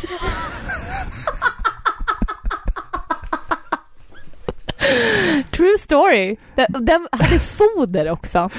Den var så superavancerad. Ja. Och sen på träslöjden satt jag bara och så filade av huden med sandpapper. Vet, vet, du, vet du vad mitt... Vet du vad, alltså när jag kom in i träslöjdssalen första gången, då fick jag syn på den här brännpennan. Kommer du ihåg den? Ja. Ja. Där var jag fast. I alla år. I träslöjden. Jag satt i det där lilla rummet med en brännpenna och, och skrev saker på plankor. Ja. Det var allt jag gjorde i träslöjden. I syslöjden så... Jag gjorde en kudde också, det var en, lättare. en, jo, en kudde gjorde jag av så här Turtles-tyg som fanns. Eh, och sen så, resten av tiden i syslöjden satt jag nog bara och spenderade med att försöka få mina klasskompisar att sy sig själva i fingret med Mm. symaskinen. Ja. Och en gång så lyck- Lyckades så lyckades jag. Ja. Det var när min klasskompis, han sydde mycket kvinnokläder. Han, Ja. han gillade sånt. Eh, och då när han satt där med och skulle lägga om någonting. Vad hette det? Man hade ju en under... Du hade en, två spolar när du skulle sy. Du hade ju en sån där, en övre och en undre. Den där Ja. undre var ju en jävel att mecka i, kommer du Ja, ihåg det? ja. Den skulle in i någon liten cylinder och in... Ja. Kommer? Man skulle baka in den där Ja. tråden. Och då när han sitter där och bakar med den här tråden, då har han liksom finger, fingret precis under nålen. Så då trycker du till? Trycker du på pedalen? Du är ond! Den där jävla nålen, stenhårt, rakt genom nageln på honom. Fy! Rakt in i fingret på honom. Jag har lust att bara ge dig en snyting. Jag hade ju ångest i flera år efter det där. Ja, det är rätt Alltså, åt alltså nålen gick ju rakt Ja, genom nageln och in i fingret. Ja, Det är liksom, det är där, klart. där satt han. Ja. Och jag fick inte gå på syslöjd på tre veckor. Fy vilken skitstövel! Vi kanske ska lämna den där historien bakom oss nu, eller? Jag, jag gjorde i träslöjden en skitful eh, ljuslykta. Du vet en så här, nu kanske någon har en sån. sån så förlåt. ja men en sån där i stål som man En sån här ska... stål, så här, en, en rund eh, spiral Ja, med en ljuslykta. Flera ljuslyktor Ja. i. Sån gjorde jag. Det, det, är, väl- det är väl en del av den här, uh, om man har ett sånt här shabby chic uh, Ja, lite. hem. Då ska man helst så. ha en, en smidad Mm. uh, ljusstake Just på, det. På, väggen. Ja. Ja. Fult. Jätte- So this is the key to everything. Yes, it is. Marco Polo's passport to Shambhala. What do we do with it? Ah! I have no idea, actually. I do know Lazarevich won't get very far without it. Jag har faktiskt börjat förstå skånska bättre. Visste du det? Jaså? Jag hör vad gillestugan säger nu. Nej. Vet du varför? Nej. För att jag har en ny hörapparat. Jaha. Ja. Ja, det var. Alltså staden. Jag förstår. Eller är det en stadsdel eller en stad? Men det är en stad. Jag, jag, ja, jag kan ingenting om Varför Skåne. säger man Kristianstad? Det heter Kristianstad. Kristianstad. Vi ska åka ner dit och bara, vad är det bästa fikastället i Kristianstad? bara för att. Redig rikssvenska också. Kristianstad. Man kan hitta hotell i Kristianstad. Nej. Nej, det ska vi inte. Ja, men du, lite actionscener apropå gameplay. Just Vi har det. ju snuddat lite på det. Ducka och skjuta. Det måste vi börja med. Du sa att det första spelet var det svåraste. Det är det svåraste. Du hade fel. Jag hade inte fel. I första spelet kunde jag förlita mig på auto-aim. Ja. Det finns inte i det här spelet. Nej. Alltså jag, jag kämpade med Nej, men- det här nej, det- det- spelet. det- mm. Jag är så dålig på att skjuta. Jag försökte verkligen mitt bästa, men jag tyckte det var svårt. Jag måste erkänna. Och fienderna tar så mycket stryk. Jag måste erkänna att jag har ljugit för dig. Ja, det är svårare, vill, du höra, vill du höra en bekännelse? Ja. Att i det första spelet Ja. så spelade vi på very easy. Ja, jag vet. Då har du auto-aim. Då har du auto-aim. När vi spelade det här spelet, då spelade vi på easy. Då har du inte längre auto-aim. Jag tänkte så här att nu har vi spelat det första, nu är vi bra på det här. Nej, nu, är det är vi nu är vi varma i kläderna. Hallå, du känner mig. Jag är ju suger på Jag tänkte så här sikta. att, jag tänkte så här att nu ska du få lära dig. Ja, nu ska du få lära dig. Jag har ju spelat det här på svåraste nivån. Det var inte kul. Nej. Det var inte roligt. Nej. Det var väldigt svårt. Ja. Men, men eh, ja, det är ju... Det, det är ju mer intensiv action i det här spelet Ja, än vad det är i det det första. är det. Det ska Det är- sägas. Otroligt intensiva och ibland väldigt långa actionscener också. Ja. Och som sagt, för mig var de riktigt svåra. Eh, och en sak som jag tänkte på att ibland är det inte bara liksom mängden fiender som gör att själva momentet blir svårt, utan just för att banan inte är linjär. Jag snackar inte om de tillfällena där vi, där vi springer på ett tågtak, för då kan vi ju bara gå åt ett håll, utan de tillfällen där det är en enorm actionscen i en stor öppen del Ja. då blir det svårt av just den anledningen att du vet inte vart du ska gå någonstans. Du och jag råkade ut för det att vi blev ju fast i ett hus medan en tank sköt missiler på oss. Och där satt vi i typ en kvart. Och vi visste inte vart vi skulle gå för vi lyckades liksom inte trigga nästa del. Och det tycker jag var lite störigt med actionscenerna i det här Ja. spelet. Att det kunde Mm. bli lite förvirrande ibland. Vart ska jag gå någonstans? Jag, jag tror att vi kommer till dem sen. Alltså, jag, har- jag har valt ut några, några specifika scener Okej. i det här spelet som jag skulle vilja prata om. Eh, men om vi bara ska prata om själva momentet ducka, skjuta, som jag kallar det, så tycker jag ändå att det känns tydligt att Naughty Dog tog till sig av det här. Det är tråkigt att komma till ett rum med massa saker att gömma sig bakom, för man liksom visste att det skulle uppstå en batalj. Ja, Alltså, absolut. här- Man kommer till ett rum och det ligger en massa ammo innan. Ja, och så... bara, här kan du "Wait gömma... a minute." Ja.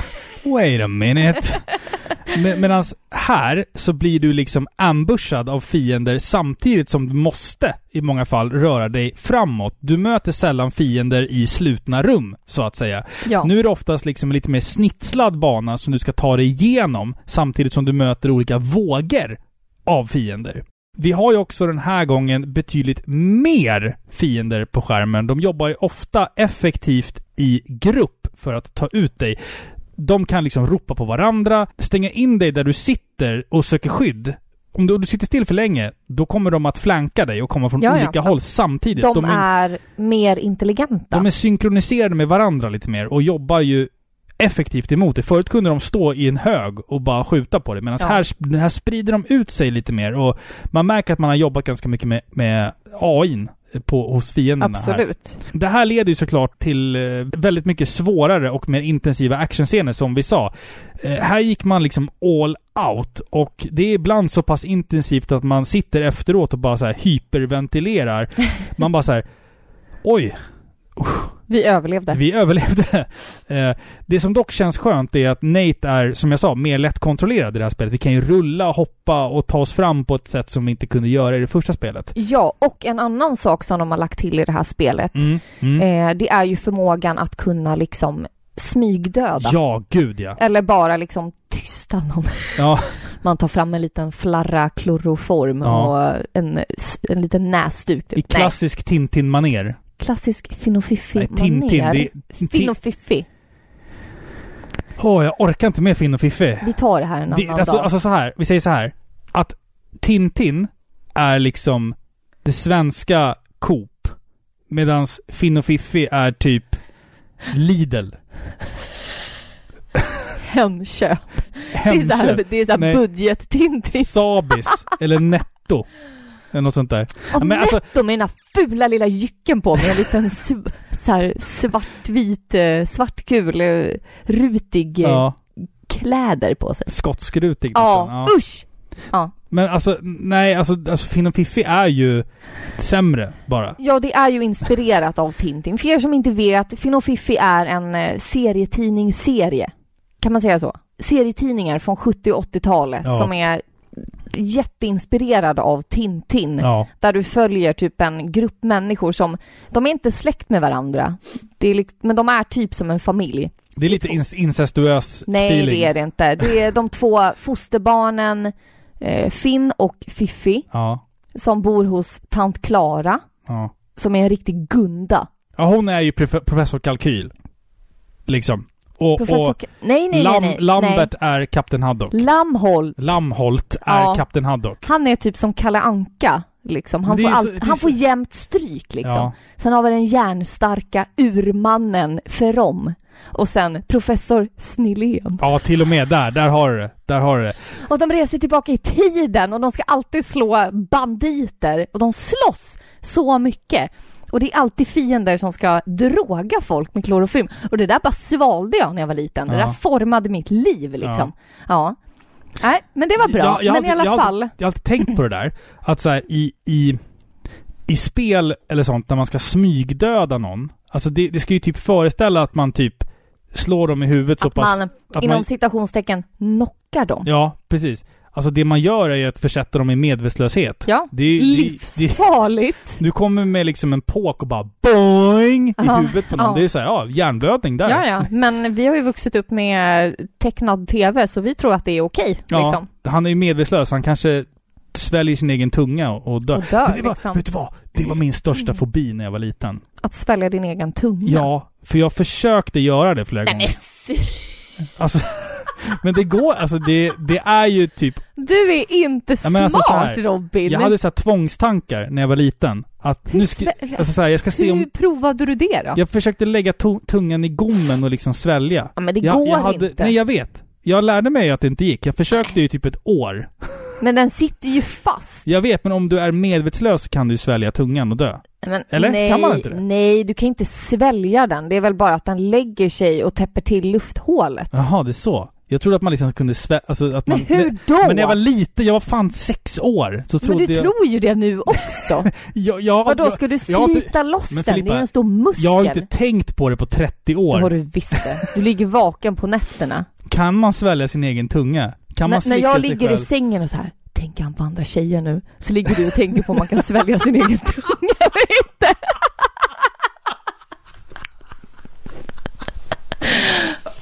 Eller hur? Det är sant. Det är ju inte, Ja. det är ju inte jättelångt ifrån sanningen. Nej. Jag ligger typ och tänker på sådana saker. Du, du ligger och undrar så här. undrar om man ligger och fantiserar om en annan kvinna. Nej, jag ligger och tänker på så här. kan man svälja sin egen tunga? Ja. Jag visste. Ja. Frågan är om det är bättre eller sämre.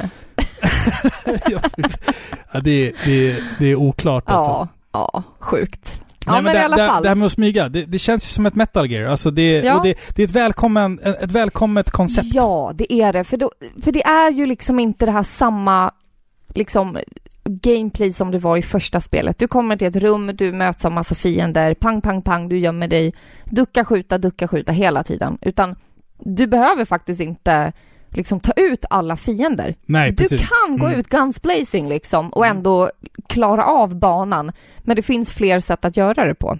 Ja. Och det tycker jag var väldigt, eh, ja men det var bra genomfört. Mm, mm. Okay, just what is it you're after anyway? See that symbol up there? It's called the Chintamani Stone. Nate? It's a massive raw sapphire. It's worth millions. So let me get this straight. You're competing with a psychopathic war criminal for a mythological gemstone? When you put it that way, it does sound pretty stupid. Yeah, thanks for the input, Jeff. And it's supposedly in this temple. Uh, well, no, it's Stone itself isn't here. Hey, look at that. No? Uh, no, it's in Shambhala. Alltså, jag blev stoppad av polisen häromdagen. Jaha. Och de bara Jaha, då ska du få blåsa. Och vet du vad jag sa då? Nej. Okej, vart har du ont någonstans? Den var bra. Ja, visst Den var det? tyckte jag var ja, bra. Ja. Ja. Stackars polisen. Men hör du, jag, jag har ju valt ut några actionscener som jag tycker sticker ut i det här spelet. Det är ju de här scenerna som jag tycker verkligen stjäl showen. Tåget. Tåget går genom djungeln och vi ska ta oss från tågets bakdel fram till lokomotivet. Vi färdas först genom en djungel och kan själv liksom välja om vi ska klättra på taket, klättra på sidorna eller gå igenom vagnarna som är fyllda med fiender. Och hela detta kapitel känns ju som en intensiv actionfilm där du styr narrativet. Det flyter ju på så jävla snyggt också. Och sen när vi har klättrat runt där så vi, tittar vi oss omkring och så bara oj, nu är vi i någon jävla snöberg. Då har vi liksom penetrerat hela djungeln och kommit ut på andra sidan. Måste du använda det ordet? Det är inget fult ord. Nej, men har vi verkligen penetrerat någonting eller har vi Men bara vi- liksom vi- åkt förbi? Åkte igenom djungeln. Ja, ja, okej. penetrerat djungeln. Ja, ja, ja, okej. Ja, Men jag tycker det är coolt. Jag, jag gillar det. Att, att, att vi återigen jobbar med den här äh, med de här rörliga miljöerna. Det är inte statiskt. Det Nej. rör sig hela tiden. Även miljöerna. Liksom ett tåg med, med liksom de här äh, blinkande bling, bling, bling, bling, bling, bling, bling, Ja, bling, de- bling, bling, bling. De bommarna som kommer. Ja, de var svåra. Ja, Det är frustrerande. lätt att eh, bli omkullvält. ja. Jag gillar inte tåget. Nej, Nej, men jag tycker jag det tyckte det var ascoolt. Alltså, vad ska man säga? Du springer på ett tågtak och det Mm. kommer fiender från olika håll. Det är förutsägbart. Vad ska jag säga? Det, det, Men var, det- det, men- var ja. snyggt gjort. Så kan jag väl säga. Men det är så här. Och sen när du kommer till de här snöiga bergen och den här helikoptern får syn Ja. på dig. Då flyttar kameran perspektiv och då blir det typ ett side-scrolling plattformsspel. Där det du ska, var snyggt. Det är så jävla att coolt de alltså. liksom eh, ändrar vinkel och lägger in nya moment för Precis. att liksom förnya actionscenen. Det var bra gjort. Mm. Mm. Och helikoptern stöter vi på flera gånger. Ja, alltså om jag ska säga någonting negativt med actionscener och gameplay i det här spelet så jag vet inte hur jag ska säga det här men Uncharted-spelen är ju överdrivna. Ja, Ja. Det, är, det är meningen. De, det är ju meningen, men jag tycker att det blir lite väl överdrivet. Förstår du? Jag står Mm. och siktar och skjuter typ 15 missiler på den här jäkla helikoptern Mm. och den bara dör inte. Nej. Jag får lite Steven Seagal-vibbar. Förstår du? Det är lite så här för macho, för överdrivet, för mycket action, för Men Michael Filippa, Bay. just helikoptern. Ja. Du har aldrig reflekterat över att det är en bossfight? In, Jo, in disguise? jo jag, In jag, disguise. jag fattar att det är det. Ja, och istället för att få upp en livmätare på en helikopter och ska du fylla den med kulor och Ja, sen det är så... kamouflerat Ja, det är, liksom. kamoufle- det är Ja. kamouflerad bossfight. Jo, jag fattar Det det. är så jävla coolt. Ja. För det här spelet har ju egentligen inga bossfighter förutom liksom Nej, nej. sista bossen. Ja. Medan här är ju typ en bossfight. Ja. Fast du, du, uppfattar, du uppfattar det inte som en bossfight. Nej. Nej. Bra, bra poäng. Ja, det Bra tycker poäng. jag. Ja. Ja. Det, det, det är inte många spel som, som lyckas med det Nej. där. Medan här är det så här. Det är en osynlig övergång liksom. Ja, det är en Mm. osynlig bossfight. Okej. Samma sak gäller ju även den scenen som du nämnde tidigare, stridsvagnen. En scen Oh. som skulle kunna vara tagen ur en actionfilm. Här ska vi ju ta oss igenom en sönderbombad gammal stackars tibetansk stad. Och man blir ju dränkt av fiender från alla håll. Så pass att man liksom blir jagad upp i ett jävla torn där man måste sitta och... och, och Stackars människor. Ja, och man måste liksom hela tiden ha koll på vart man är, vart man ska, väja för snipers och raketgevär.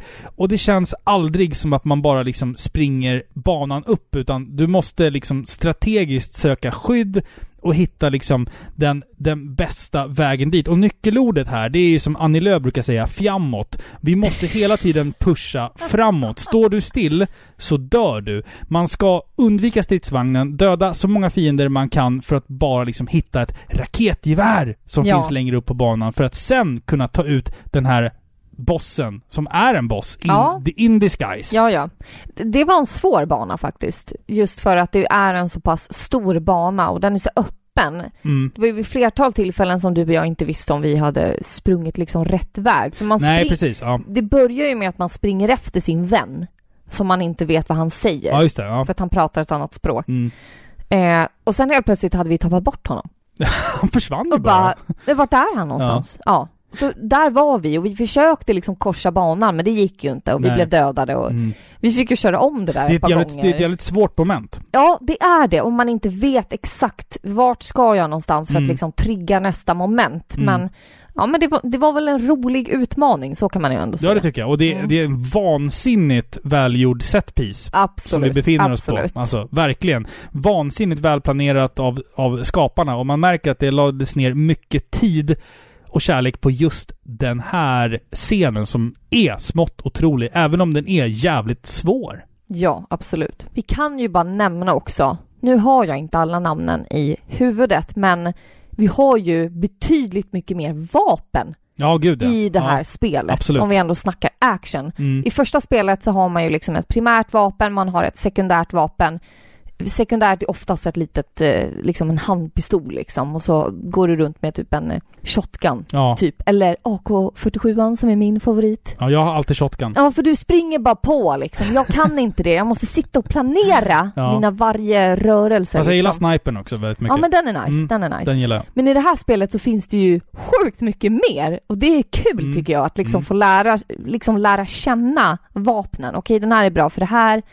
Och sen kan man liksom gå runt och vara lite kräsen. Nej men Mm. den där är inte bra. Jag, jag satsar mina två skott på det här istället för Ja. att byta till det där skitvapnet typ. Det blir Och- lite strategiskt det också. Och det är också mycket mer fokus på handgranater i det här spelet. Vi möter ju, Ja. de, vi möter ju de där jävla soldaterna som har Åh. sköldar som är extremt frustrerande de, är, de är svåra. Ja, de är, de är inte, inte kul. roliga. Nej, de är inte roliga. Det spelar ingen roll hur mycket du skjuter dem. Du måste skjuta rätt. Du måste ta dem på rätt sätt. Ja, Annars är du död. det är bäst att smyga runt och Ja. försöka ta dem liksom i ryggen istället för Ja, att... eller skjuta då en granat. Ah, Ja, jag blev aldrig bra på granaten. Fast det, det som är fördelen med att kasta granater i det här spelet. I första spelet så hade du den här att du höll in en knapp för att välja hur bågen skulle se ut och vart granaten skulle landa.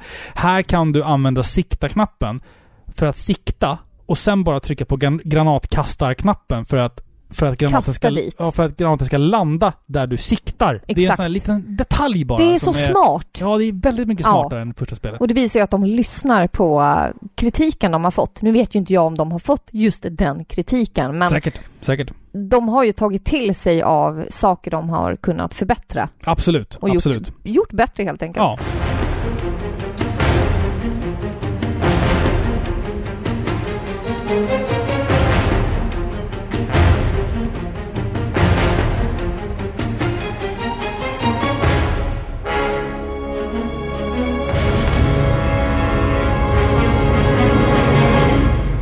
Uncharted 2 bjuder ju också på en hel del pussel. I det första spelet så var det ju inte så mycket av den varan, även fast man liksom har fått för sig att det var det.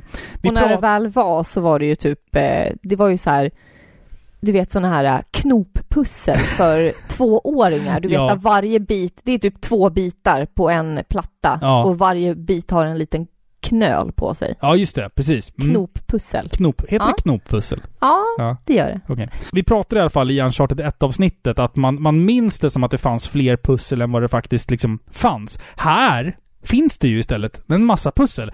Och ofta är det dock samma sak. Man ska kolla in Nates lilla dagbok från någon gammal jävla anteckning och sen ska man liksom ändra riktning på statyerna. Eh, dock så är det lite klurigare den här gången för att man ofta måste liksom leka akrobat. Man måste klättra mer, skjuta på saker, kasta sig handlöst ut på ställen som man inte vet om man kommer överleva. Det, det, är, jävligt, det är jävligt roligt. Något som tar priset för mig är ju rummet med den här stora guldiga dolken. Alltså den gigantiska dolken som hänger ner Just från taket. det, och när det, det är fiender som hotar att komma in när som helst. Ja, precis. Mm. Och man ska ju liksom klättra högt och svindelfobin får testa sina nya gränser. Alltså sådana rum uppskattar jag väldigt, väldigt mycket i det Ja. här spelet. Det är väldigt, väldigt coola och roliga Jag pussel. tror, jag tror att de någonstans efter första spelet insåg att okej, vi kommer inte kunna skapa supersvåra pussel Mm. utan att rucka på eh, liksom det här spelets lättillgänglighet. Ja, precis. Det här är inget pusselspel. Nej, nej. Så de har ju istället liksom skapat pussel som är roliga, innovativa och svårigheten är istället eh, att hitta dit, Mm. att liksom eh, väja för fiendernas kulor och liksom att kunna ta sig upp på höga platser. Det är där svårigheten ligger. I första spelet var det ju nästan Alltså det var ju busenkelt, förstår du? Du var ju själv i ett rum, du skulle typ så matcha färger med Ja, varandra. Alltså ja. förstår du? Det var, det var så för barn liksom. Mm, mm. Här istället, då känns det mer verklighetstroget, verklighetstroget liksom. Mm. Du är i ett rum, själva pusslet i sig är inte supersvårt, men det är istället liksom svårigheten ligger i själva momentet att du ska klättra superhögt. Det kommer fiender överallt. Det är ju själva det som är pusslet i sig, Mm. tycker jag. Jag tycker pusslerna är bel- mer belönande i det här spelet i alla fall. Absolut. Och sen då i kombination med att man kan leta efter skatter vid sidan Ja, ja, av. gud ja, gud ja. Då blir det ju liksom som ett mer dynamiskt pussel. Så mycket bättre än första.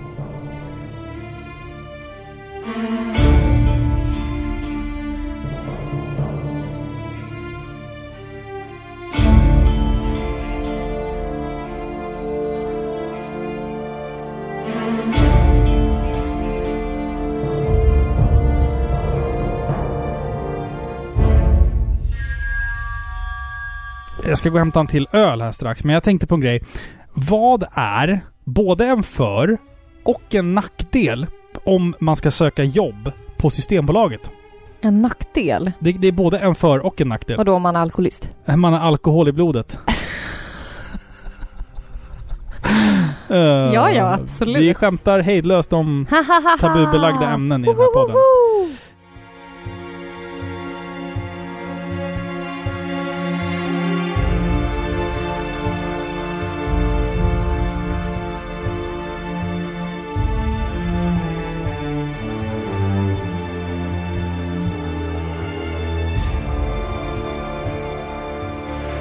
The temple we're looking for is going to be marked with this emblem. Now all we have to do is find it. You do realize there are literally hundreds of these temples throughout the city. Yes, but if we found a higher vantage point. We could spot our needle in the haystack. Right. There's a hotel not far from here. Chloe, now is not the time. It's easily the tallest building in the city. Right. Right. Well, okay. That's uh, that's good thinking. Follow me. Yep. Men nu vill jag prata lite story. Nu blir det storytime. Nu blir det story. Nej, vad ska jag säga? Jag älskar storyn. Och jag gillar speciellt den här spännande tanken med tre udda så kallade vänner som ska gå ut på äventyr. What could possibly go wrong? Alltså det blir grötigt, det är fullt med intriger, det är kärlek, vem ljuger för vem? Samtidigt som gamla bekantskaper tittar förbi och säger hej. Mycket underhållande. Och vad ska man säga jämfört med första? Det är otroligt mycket mer humor i den här. Och man lär känna Nate på ett helt annat sätt. Man älskar ju honom. Alltså han är ju sympatisk, han är lite självgod eh, stundvis.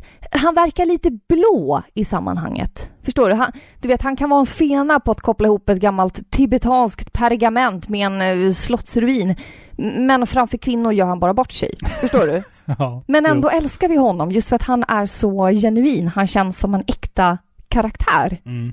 Tack vare storyn då, hur den bereder ut sig. Vi har ju vid det här laget redan etablerat karaktärer i form av då, som du sa, Nate, Sally och Elena. Det är en härlig trio med eh, humor som den gemensamma nämnaren.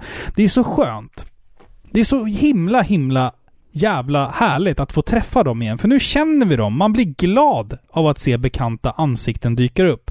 Det händer ju dock en hel del saker i det här spelet som får karaktären att faktiskt spela ut andra kort mot varandra. Man liksom testar deras relationer, speciellt relationen mellan Nate och Elena. För nu har vi ju en ny kvinna, Chloe. Ett, Ja, ett, ett, Chloe. ett ex till Nate, eller vad man ska kalla det. Elena är ju inte dunderförtjust i henne och det märks ju hela tiden. Det blir ju ibland hysteriskt komiskt med alla de här one-linesen de två emellan. Fast vet du, jag tycker inte att det är så att det blir en så här uppenbar catfight. Nej, de behandlar ju... va- Hon...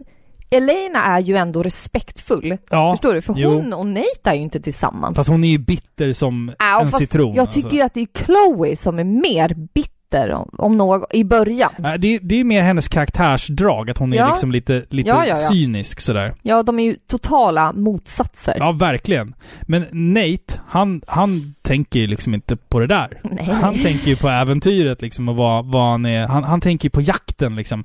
Fast Han, man känner hans dilemma. han, han bryr sig om sina vänner. ja, ja, och liksom när Chloe föreslår att de bara ska dumpa dem där och bara Mm. springa för sina liv. Han kan ju inte göra det. Nej. För han tycker ju om Elena. Ja, precis. Såklart. Och framåt slutet på spelet så blir det ju till och med väldigt dramatiskt när det visar sig att en av karaktärerna är nära på att eh, liksom trilla av pinnen. Eller pinn, säger man så? Vi- Både och det, det är dramatiskt som fan i alla fall. Och det, det, är då- man en fågel när man säger så? Att man trillar av pinnen liksom? Jag tänker mig en inte. kanariefågel som liksom stupar. Den, den, ja, trillar fåglar lever ju typ på pinnar. Ja, jag tänker det. De, sov, de sover väl till och med på Ja. pinnen? Ja, Trillar av pinn. så trilla av pinn, då har Ja. den ju dött liksom. Ja. Ja. Men det jag menar är att även de här komiska ögonblicken i spelet, men också de här uh, känslomässigt dramatiska, är väldigt fina ögonblick. Och jag blir glad när de här liksom välskapta och välskrivna och framförallt mänskliga karaktärerna bjuder på så många härliga och jävligt charmiga scener tillsammans. Ja, absolut. Karaktärerna är otroligt välskrivna och levande. Och det är ju mycket för att vi rider på vågen från första spelet där vi redan har etablerat dem. De hade ju bara kunnat köra på samma stil i det här spelet, men de gör inte det. Du vet, i första spelet, de kände inte riktigt varann. Du vet, Nej, precis. precis. kommentarerna är lite...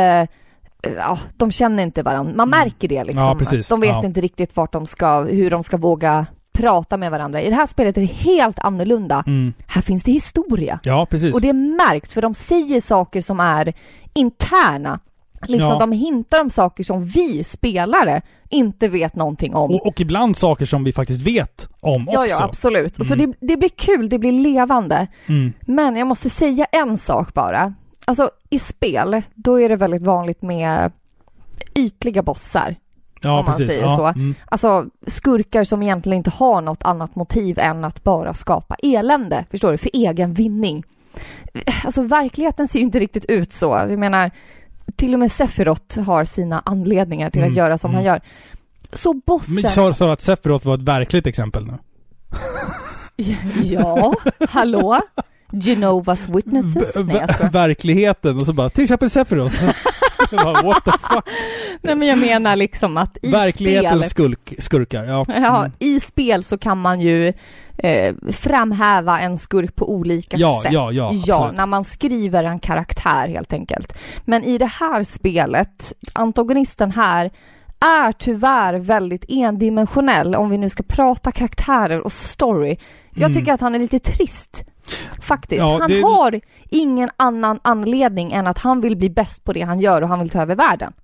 Förstår det, du? Det finns ju andra motiv också. men tycker men, men, det. men samtidigt så, så är det ju någonting som Naughty Dog fortfarande måste jobba med. I det Ja, första ja. spelet i det första spelet så sa jag att, att de, de onda, så att säga, det var svagt. Det var, Ja. det var inga starka karaktärer. Nej, exakt. Samma sak gäller här. Här har vi liksom en arg Fredrik Reinfeldt, typ. Ja, men lite så faktiskt. Han ser ut som Men honom. det är ju faktiskt inte jätterelevant i det större avseendet Nej. tack vare att vi har så många andra karaktärer som är bra. Men när det gäller just antagonister och fiender, jag uppskattar därför, på grund av det jag nyss har rabblat om, Mm. karaktärer som som spelar lite fult, du vet. Mm, Du vet mm. Som låtsas vara en vän, sen förråder den, spelar lite dubbelt. Då blir det genast intressant och Ja, exakt, spännande, ja. för man vet aldrig vad som ska hända. Vi har ju flera exempel i det här spelet som är så. Ja, jag, jag kanske inte ska säga vem det är då, i sånt Spo- fall. spoila ingenting. Men vi har en karaktär, man vet inte riktigt var man ska placera hen. Mm, Du vet, man blir, mm. man blir arg på den här personen, men man kan inte sluta älska den, för den är på grund av modet och humorn och styrkan och kanske i slutändan lojaliteten. Förstår Mm, du? Det, ja. det här tyder på riktigt välskrivna karaktärer. Någon som ändå är densamma är ju, Stackars Nate. så är ju Sally. Jaha. Han, han, gör ju som de lyckliga kompisarna så fint sjunger, att han går dit... Dricker Tuborg-grön och Nej, T-röd. det, det är det kristet utseende. Jaha. De, de lyckliga kompisarna sjunger att man, man går dit pekar. Ja, Det gör han ju. Det det gillar är vi. en flicka det, i det- varje hamn. Ja, en riktig sån sjöman. Han har säkert ett par vita handskar med sig också. Ja. Men det, det som jag... Det som jag var det då en referens till Johnny Bode? Ja, det var det. Mycket märkligt att du, du droppade det. Väldigt obskyrt av dig att droppa det. Vi kan väl se vilken lyssnare som eh, förstod referensen till den. Ja.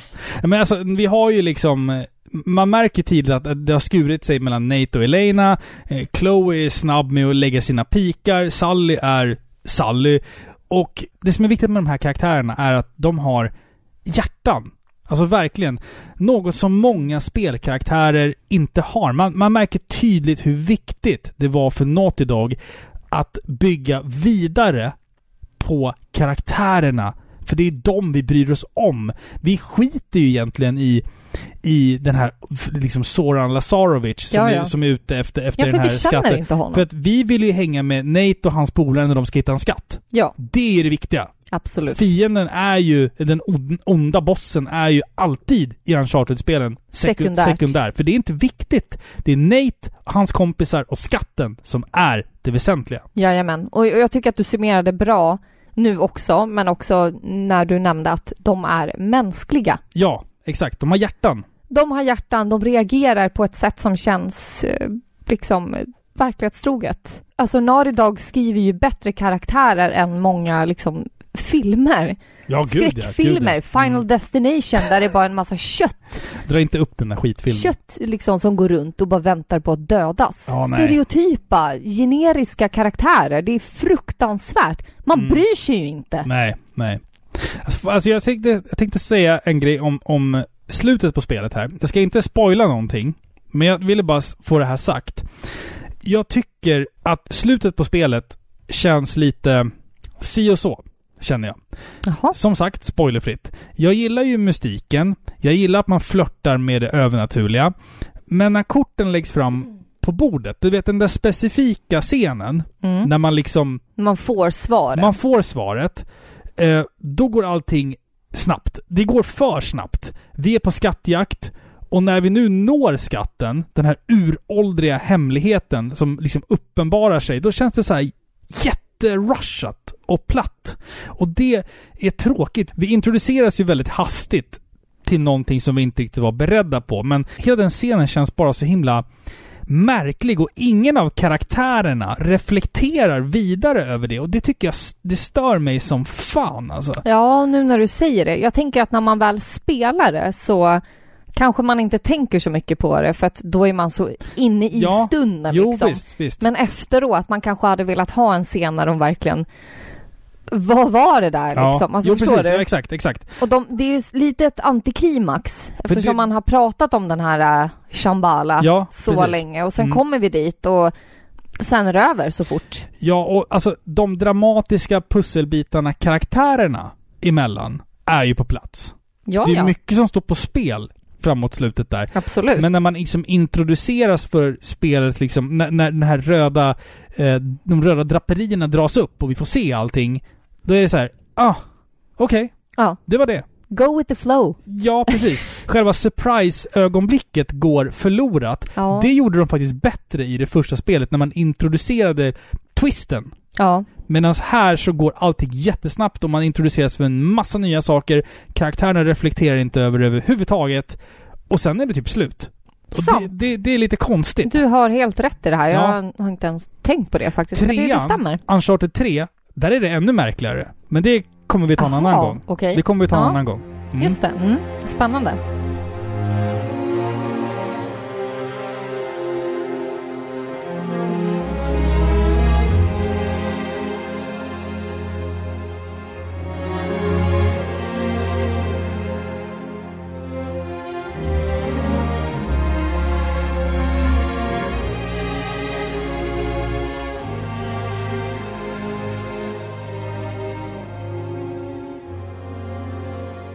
Om jag ska sammanfatta det här spelet. Vad var det vi sa nu egentligen om det första spelet? Greatness from small beginnings. Naughty Dog höll verkligen vad de lovade. Om man ska dra paralleller till filmens värld, vilket man väldigt enkelt kan göra när man snackar om just Uncharted-spelen. Vi har Terminator 2, Alien 2, Die Hard 2, Uncharted 2. Man fick verkligen till det här. Det första spelet bleknar fullständigt i jämförelse med det här spelet. Man tog stora risker med rörliga miljöer, stora actionscener och en mer utkavlad gameplay-mekanik. Och man lyckades faktiskt ta mig fan med allt. Uncharted 2 är en odödlig actionmatinépärla utan dess like tycker jag. Det är så här man gör en uppföljare i tv-spelens värld. Helt sant. Jag håller helt med. Det här är ett fantastiskt spel och Naughty Dog lyckas ju servera oss liksom en eh, blandning av eh, romantik och spänning och action och humor. Humor är så viktigt i de här spelen och man blir inte besviken. Det är ju lika intressant med dramat karaktärerna emellan som spelets liksom stora mystiska handling och skattjakt. Absolut. Alltså intrigerna som sker mellan karaktärerna är ju limmet. Mm, Och verkligen. Liksom själva skattsökandet och skurkarna som försöker hindra en, det är ju bara egentligen sidonoter liksom. Nej, Det, det här är ett fantastiskt spel, jag vet inte annat vad jag ska säga. Det, det här blev ju utsett till inte bara årets bästa spel utan folk kallade det för världens bästa spel när det kom faktiskt. Våra lyssnare är ju eniga när de tycker att det här spelet är det bästa i hela serien. Spännande. Bland, bland den stora pöben där ute så är det ju också känt som det bästa spelet. Ja. För mig... Så härifrån går det ut för alltså. För mig så står det mellan tvåan och trean. Jag tycker att trean har har saker också. Och det är inte för, nödvändigtvis för att trean är bättre, utan det är de här små, små sakerna som fattas i Uncharted 2 finns i Uncharted 3. Ja. Utan att man liksom... Alltså Uncharted 3 känns mer som Uncharted 2.5. Ja. Om du förstår vad jag ja, menar. Ja, absolut. Jag förstår. Och de är ju experter på det de gör. Att Gud, ja. skriva bra story, välskrivna, mänskliga Mm. karaktärer och en spännande liksom handling. Det här spelet tog ju liksom allt det bra med ettan och bara förfinade det. Det är så mycket mer i det här spelet. Man får så mycket mer. Vi, vi har inte ens pratat om online-läget där du kan spela liksom multiplayer som du har förlorat Ja. i flera Nej, timmar. Jag har spenderat så mycket... Ja. Så, sån stor procentandel av mitt liv i Uncharted Multiplayer så du har ingen aning. Fantastiskt! Ja, Alltså otroligt bra multiplayer. Så Absolut. det här spelet är verkligen någonting man ska uppleva. Ja, Verkligen. gud ja, du gud ja. ska det! Men man måste samtidigt spela ettan först. Ja, ja, ja. Det är viktigt. Börja med ettan. Spela hela Uncharted-serien, tycker Mm. vi. För det ska vi göra. Det ska vi göra. Igen. Precis.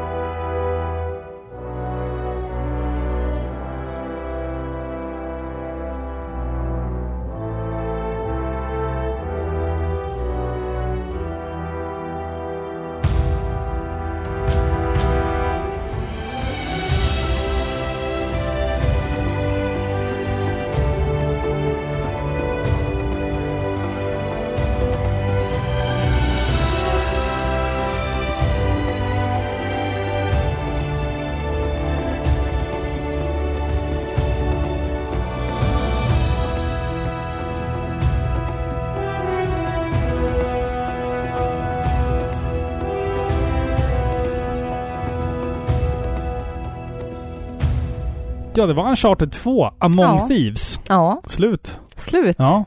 Väldigt Tack kul spel. Väldigt kul spel. Ja, Mm. tycker jag. Vi kommer ju att år 2021 spela alla fyra spel. Jajamän. Mm.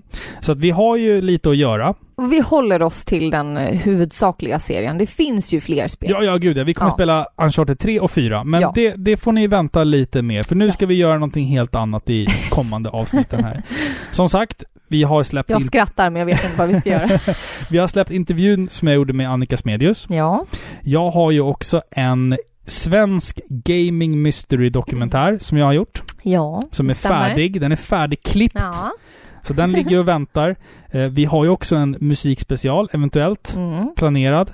Och vi har ett retrospel, eventuellt, Jajamän. planerat. Så vi och lite vi har sidequest. lite sidequests och sånt, ja. ja. Jajamän. Så att eh, våren och sommaren kommer att eh, bli väldigt härlig, Ja men jag tror, tror det. jag. Ja. Framtidstro. Framtidstro är nyckelordet, ja. Precis. Och om man kan svälja sin egen tunga. Ja, absolut. Det är det största mysteriet. Jag tror att vi får... eh, Du får väl öva ikväll. Jag får öva ikväll, ja, Ja. precis. Eh, tyckte ni att det här var kul så får ni jättegärna stötta oss på Patreon. Patreon.com paripixlar. Det kostar, som jag sa, 3 dollar eller mer i månaden. Eller, eller. så... Eller och. Så Och. får ni jättegärna följa oss på Instagram och Ja! Facebook. Absolut. Och om ni har tid, ge oss ett betyg på iTunes. Ja, det får ni jättegärna Ja. göra. Men sen vill jag också att ni jättegärna delar våra inlägg på Instagram och på Facebook. När vi släpper ett nytt avsnitt, när ni lyssnar.